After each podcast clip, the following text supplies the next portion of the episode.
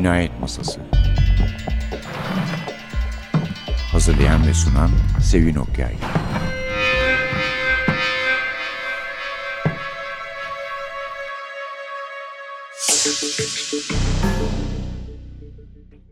Merhaba, NTV Radyo'nun Cinayet Masası programına hoş geldiniz. Bu hafta gene çok sevilen bir yazardan bir kitabımız var. Jean-Christophe Granger ve kitabımızda Sis'le gelen yolcu.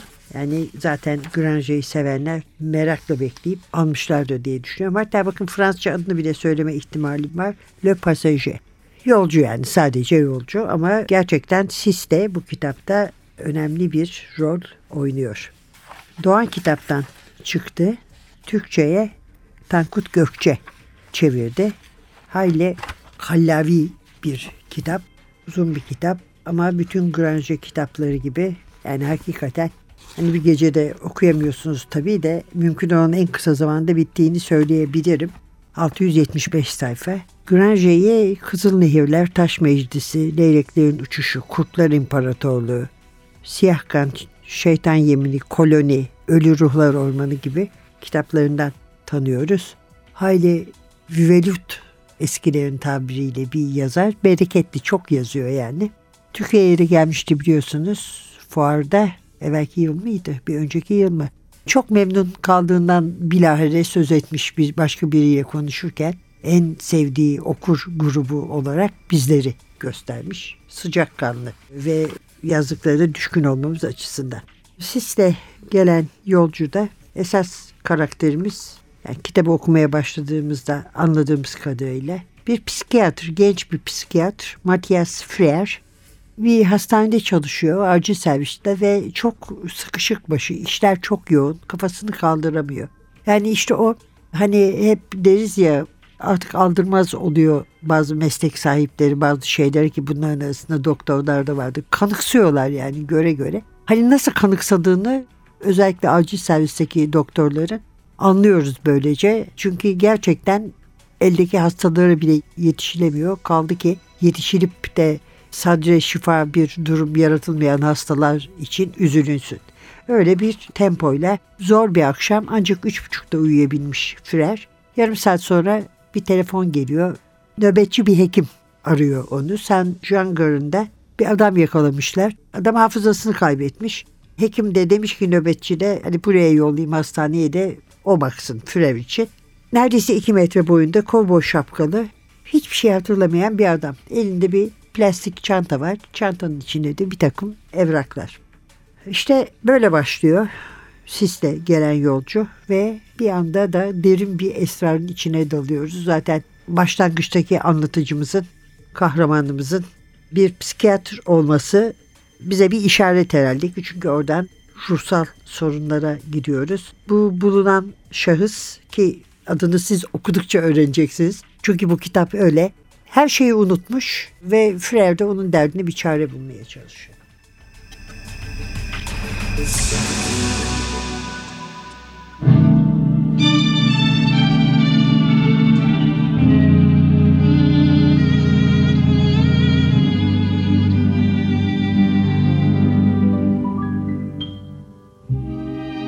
Hush now,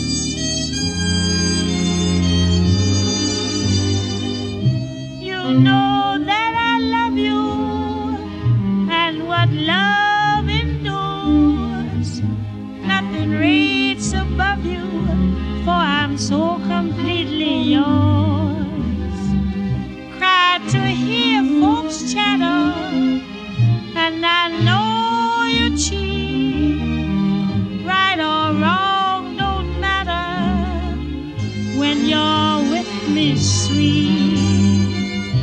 Hush now, don't explain. You're my joy and pain. My life's yours, love. Don't explain.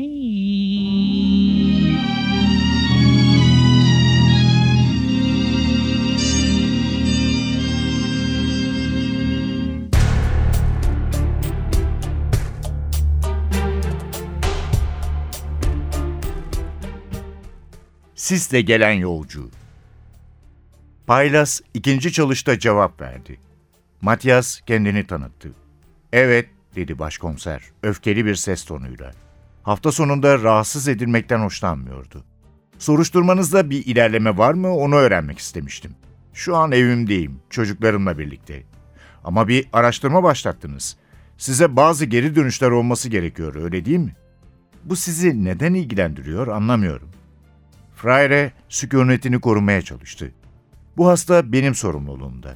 Benim görevim onu tedavi etmek. Bu da onun kimliğini saptamam ve hafızasını kazanmasına yardımcı olmam gerektiği anlamına geliyor. Bu davada biz ortağız, anlıyor musunuz? Hayır. Freire konuyu değiştirdi. Bölgede hiç kayıp ihbarı yok mu? Hayır. Evsizlerle ilgilenen kuruluşlarla temasa geçtiniz mi? Evet. Bordo yakınlarındaki garları düşündünüz mü? O geceki trenlerde hiç tanık yok mu? Cevap bekliyoruz. Arama ilanı yayınladınız mı? Bedava arama hattı olan bir internet sitesi, siz, fikir bulmakta zorluk çektiğimizde sizi ararız. Matias bu alaycı cevabı duymazdan geldi ve yeniden başka konuya geçti. Peki İngiliz anahtarıyla rehberin üzerindeki kan tahlili, sıfır RH pozitif, Fransa nüfusunun yarısına ait olabilir. O geceyle ilgili herhangi bir şiddet eylemi ihbarı var mı? Yok. Peki rehber, sayfaların birine yazılmış bir isim tespit ettiniz mi?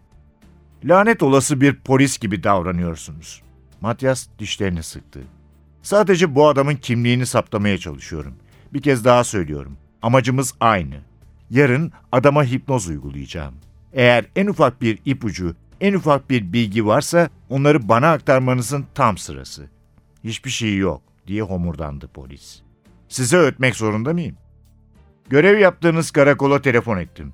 Sanki kimse bugün bu vakayla ilgilenmiyormuş gibi bir izlenime kapıldım.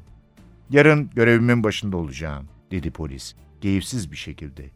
Bu dosya önceliğim. İngiliz anahtarıyla rehbere ne yaptınız? Adli süreci hızlandırdık ve el koyduk. Bu ne anlama geliyor? Polis güldü. Öfkesi neşeye dönüşmüş gibiydi. Her şey kimlik tespit şubesinde. Pazartesi sonuçları alırız. Bu size uyar mı? En ufak bir bilgi benim için önemli. Size güvenebilir miyim? Tamam dedi Palyas. Daha uysal bir ses tonuyla. Ama bu iki taraflı olur. Şu hipnoz seansınızda her ne öğrenirseniz benimle temasa geçin. Bir an durduktan sonra ekledi. Bu sizin menfaatinize. Matyas gülümsedi. Gözdağı verme dürtüsü. Bu mesleği seçme nedenlerini bulmak için her polisi psikanalize tabi tutmak gerekiyordu. Freire söz verdi ve irtibat numaralarını söyledi. Ne o polise ne de polis ona inanıyordu. Her koyun kendi bacağından asılırdı ve en iyi olan kazanırdı.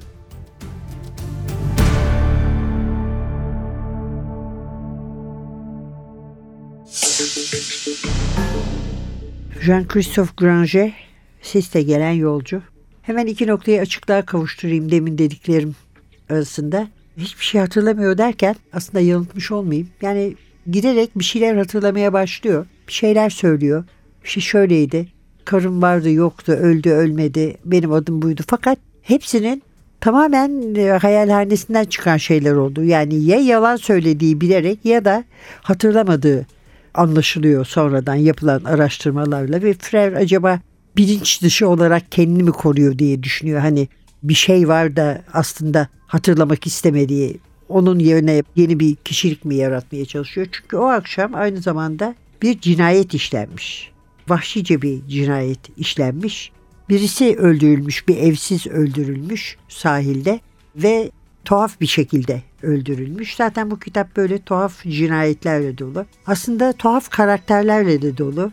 E, Matthias Führer, Victorianus, Narcis, Nono, Kubiela, sonra farklı şehirler Bordeaux, Marsilya, Nice, Paris ve az önce sözünü ettiğimle Minatoras cinayetiyle başlayan ve birbirini izleyen mitolojik cinayetler, arkasından gelen Ikaros, sonra Uranos, en sonda Kronos. Hepsi efsanelere uygun bir şekilde işlenmiş ama hepsi bir baba oğul çatışması üzerine daha doğrusu babasının beklentilerini karşılayamayan bir oğul ile babasının ilişkisi üzerine ve hepsinin faili de Olimpos katili gibi görünüyor. Kimliği meçhul olan Olimpos katili. Acaba öyle mi yoksa polisin aradığı katil aslında Matthias Führer mi? Şimdi aslında bu noktada bırakmak zorundayız olayların gelişmesini. Çünkü yazdığım zaman da söylemiştim. Yani sisle gelen yolcuda değil katili söylemek ki zaten hiç söylemediğim sanıyorum. Umarım böyle bir günahım olmamıştır bu 13 13 buçuk neyse yılda. Filmlerin de son yazmam çünkü ona da dikkat ederim. Ama uzun uzun anlattığımız zaman kitabı zaten yazarın birçok sürprizi ortaya çıkacak. Onun için daha fazla olayları anlatmaktan kaçınıyorum. Emin olun yararınıza yani. Anlatacak olsam bana yani düşman olmazdınız belki de en azından bu hafta pek hoş gözle bakmazdınız öyle söyleyeyim yani. Şimdi kitabın çünkü matruşka sözüyle tanımlanacak bir eser var. Zaten tanımlanıyor da ama epeyce okumak lazım. Neyse ki dediğim gibi çok kolay okunuyor. Çok mu dediğim gibi dedim. Hiç öyle bir değilim aslında. evet. Bir de şunu söyleyeyim. Yani gayet akıcı tabii. Granger'in bütün kitapları öyledir. Ben aslında Jean-Christophe Granger seven bir insan değilim. Bir iki kitabını severim. Hepsini sevmem.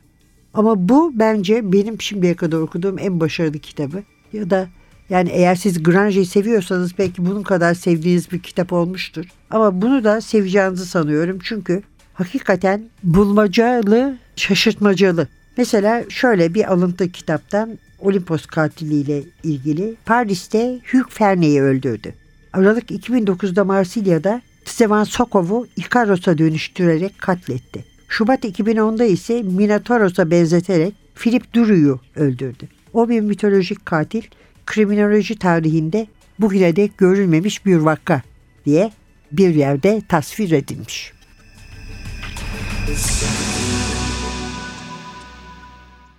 Our woman took for my best friend.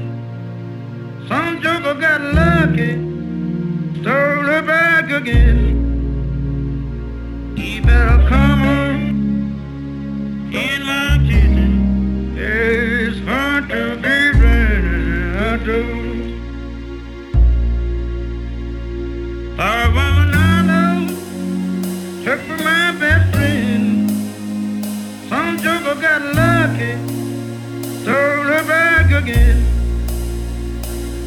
better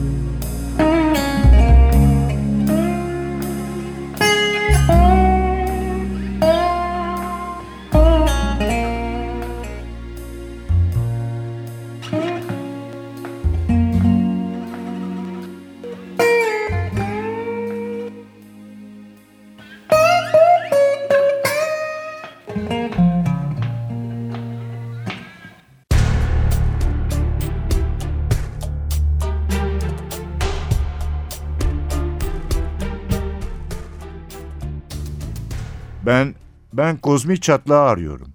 Kirden simsiyah olmuş eli, ayılma hücresinin çatlaklarla dolu duvarını okşuyordu. Onu bulduğumda buradan kaçacağım. Anais, yorum yapma gereği hissetmedi.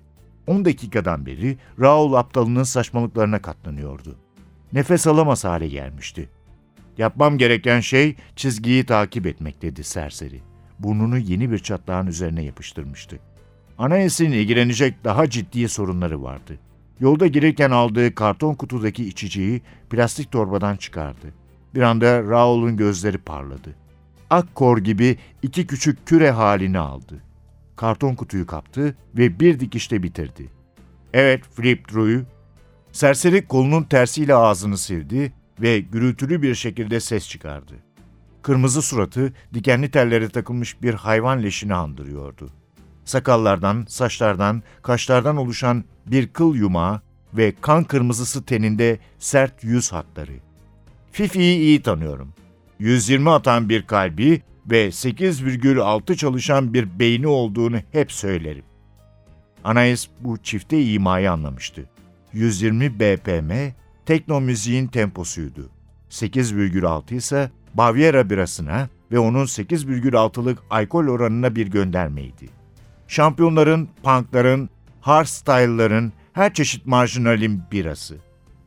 Raul, Fifi'den yaşıyormuş gibi bahsediyordu. Öldüğünü bilmiyordu. Aslında kokuşmuş herifin tekidir. Dost olduğunuzu sanıyordum. Dost olmak açık sözlü olmaya engel değil. Anais gülmemek için kendini zor tuttu. İnsan enkazı konuşmaya devam etti. Fifi her şeyi yapar ve sonra yaptıklarının tam tersini yapar. Eroin kullanır, bırakır. Metal dinler, tekno dinler, bir gün gotiktir, ertesi gün berbat bir punk olur. Başkomiser çocuğun yaşamını hayal etti. Kavgayla, uyuşturucuyla geçen sefil bir hayat. Eroin vuruşları, ekstazi uçuşları, yüzü duvara dönük geçirdiği gözaltı geceleri, hiçbir şeyi hatırlamadan yabancı yerlerde uyanmalar. her gün hep kurtulma umuduyla bir sonraki güne bağlanıyordu. Raoul, Drew'un müzik zevkine karşı saldırıya geçmişti. Ben ona söylüyordum, senin müziğin çok kötü diye. Senin herifler taklitten başka bir şey yapmıyor. Marilyn Manson, Alice Cooper'ın taklidi. Tekno ise Kraftwerk'in. R&B, Isaac Hayes'in. Doğru, aynı ritimleri alıyorsun ve yeniden üretiyorsun. Fifi nasıl geçiniyordu? Sokaklarda kötü müzikler yaparak, benim gibi. Bordo'da mı? Bordo'da ve gittiği her yerde. Başka meyve suyu var mı? Anais ikinci karton kutuyu verdi. Adam bir dikişte içti. Üzerinde pislikten kumaşının desenlerini seçinemediği bir palto vardı. Kirden kaskatı olmuş, çuval bezinden bir pantolon. Pis ayaklarını açıkta bırakan lime lime olmuş espadriller. Anais bunun deliklerine ilaç sürmüş olmasına rağmen eliyle burnunu kapatmıştı. Raul kutuyu hücrenin diğer ucuna fırlattı. Esas konuya geçmenin zamanı gelmişti. Birkaç gün önce Fifi sana bir melekten bahsetti. Raul duvarın köşesine dayadığı sırtını omuzlarını hareket ettirerek bir hayvan gibi kaşıdı. Bir melek, evet diye sırıttı. Ona melek dozu verecekti. Katili, ilk kez ondan böyle açık açık bahsediliyordu. Genç kadın Raul'a doğru eğildi ve kelimeleri vurgulayarak konuştu. Onu iyi tanıyor muydu?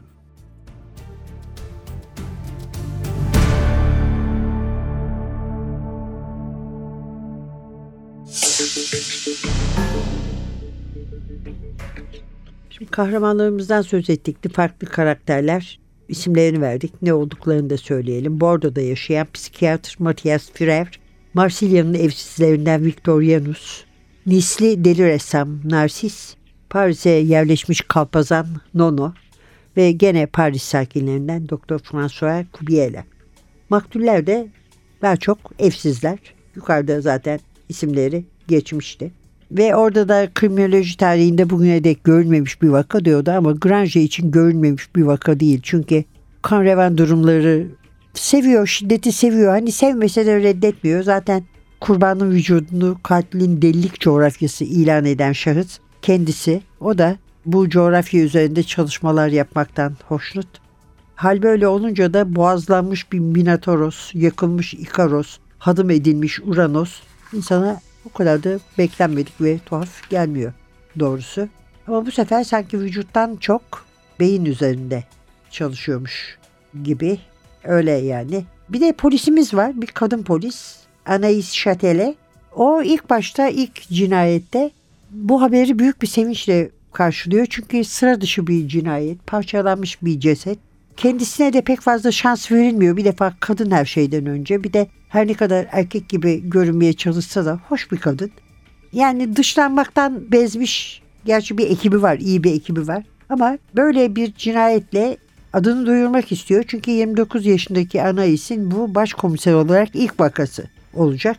Gerçi bu olayla vakayla adını duyurmak isteyen başkaları da var ama Anais'in bir dezavantajı daha var. O da 2002 yılında Şili'de ölüm mangalarının eylemlerinde etkin bir rol oynayan babası Jean-Claude Châtelet.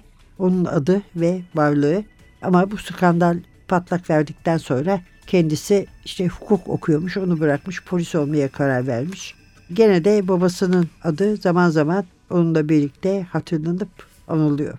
Burada hem Freyre'in hem Châtelet'in Anais'in peşine düşüp o şehirler arasında dolaşıyoruz. Marsilya, Bordeaux, Nice, Paris. Ama zaten Grange dolaşmayı ya da karakterlerini dolaştırmayı seven bir yazardır. Aslında kendisi de dolaşmayı sever. Aslında araştırmacı bir gazeteci olarak çok dolaşmıştır ve gördüğü şeylerle, yaşadığı şeylerle, duyduğu şeylerle belki de bu işe girmiştir. Çeşitli haber ajansları ve gazeteler için çalışmıştı. Paris Maç için gezi macera röportajları, Figaro magazin için bilimsel röportajlar ve zaten ilk kitabı da Leyleklerin Uçuşu 1994'te yayımlanan Leyleklerin Göçü üzerine hazırladığı bir yazı dizisinden esinlenmişti. 8 bölümlük bir TV dizisi haline geldi. Kızıl Nehirler ikinci romanı, üçüncü romanı Taş Meclisi.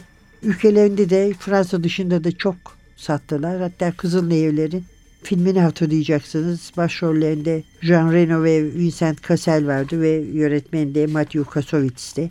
Sinemaya ilham kaynağı olabilecek kitapları var. Çok akıcı, hareketli ve gerilimi kendi içinde olan.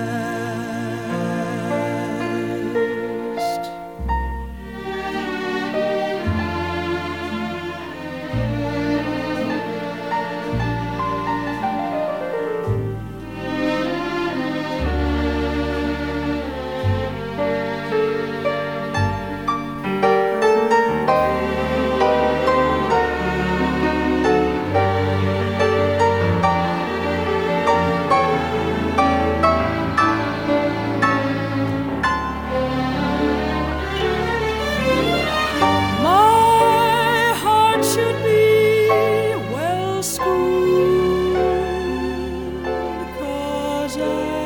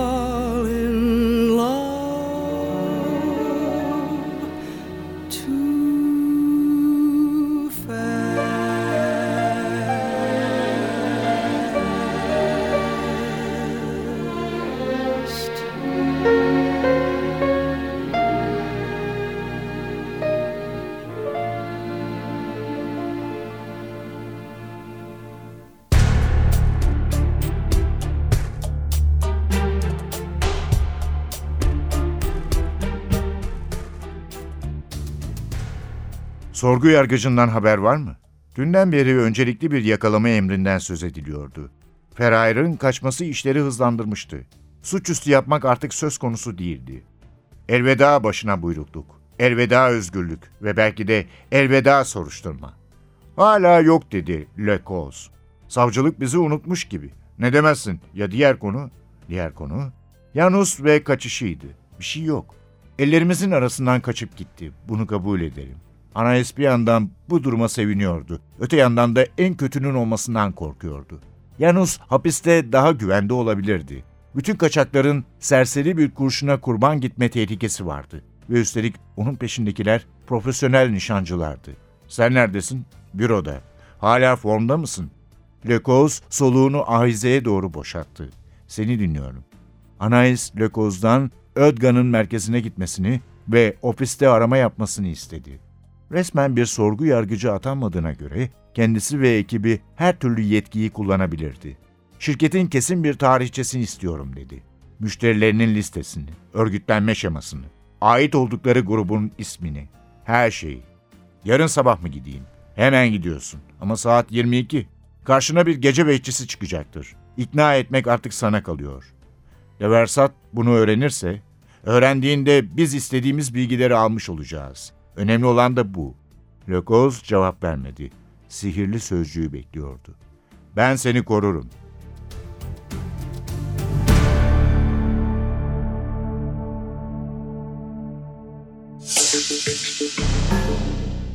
Jean-Christophe Granger, Sis'le gelen yolcu Le Passager, Doğan kitaplardan çıktı Tankut Gökçe'nin çevirisiyle 2011'de kendi ülkesinde yayınlanmıştı. 2012'de de bizde yayınlandı. Yazarın son kitabı. Aslında burada söyleşiler de var. Koloni için yapılmış. Buraya geldiği zaman yapılmış. Dediğim gibi fuara gelmişti.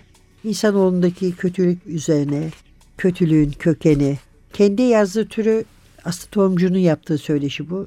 Tanımlarken şöyle demiş. Aslında cinayet romanlarının yıllar içinde normal bir değişim geçirdiğini söyleyebiliriz. Çünkü toplumlar da gelişiyor ve toplumun gelişmesiyle birlikte 30 yıl önce okuduğunuz bir kitapla ya da seyrettiğiniz bir filmle bugün tekrar karşılaştığınızda o eser size yavaş gelecektir. Her şey hızlanıyor zaman içerisinde ve bu hızın sonuçları arasında şiddetin artmasını da sayabiliriz. Bu değişim ve hızlanmada haliyle polisiye yazarın üslubunu ele aldığı suçları etkiliyor. Aslında haksız da sayılmaz. Şiddet, seri katiller, olay yeri incelikleri bugünkü polisiyelerde çok sık karşımıza çıkan şeyler.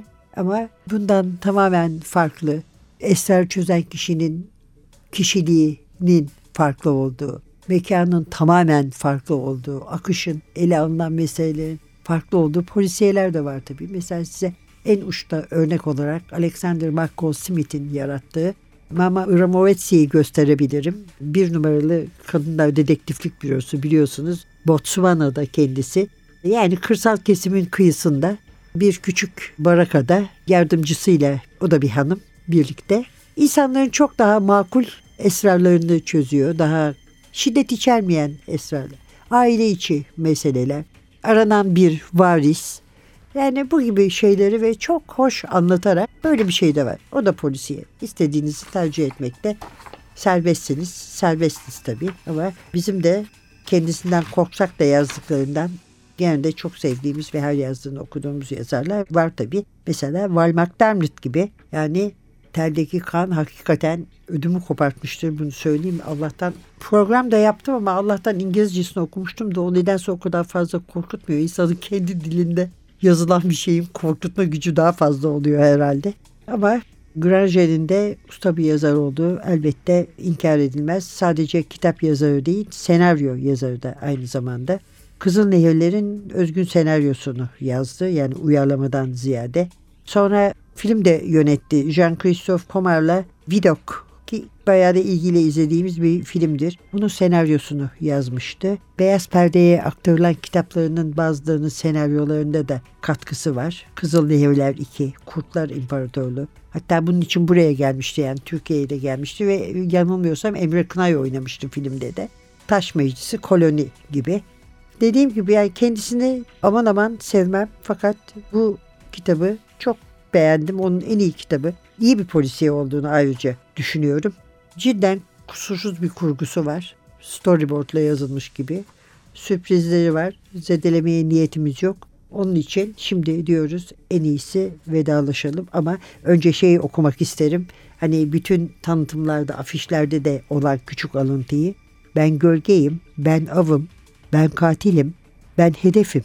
Kurtulmak için tek çarem var, diğerinden kaçmak. Peki ya diğeri de bensem? Evet, Jean-Christophe Granger, Sis'te gelen yolcu, Doğan Kitap ve Türkçe'ye çeviren Tankut Gökçe. Önümüzdeki hafta bir başka kitapla, başka yazarla yeniden birlikte olmak üzere. Mikrofonda Sevin, masada Hasan. Hepinize artık korku dolu bir hafta dileriz. Yani bunu 4-5 günde alırsanız anca okursunuz. Korkutuyor. Öyle değil. Hoşçakalın.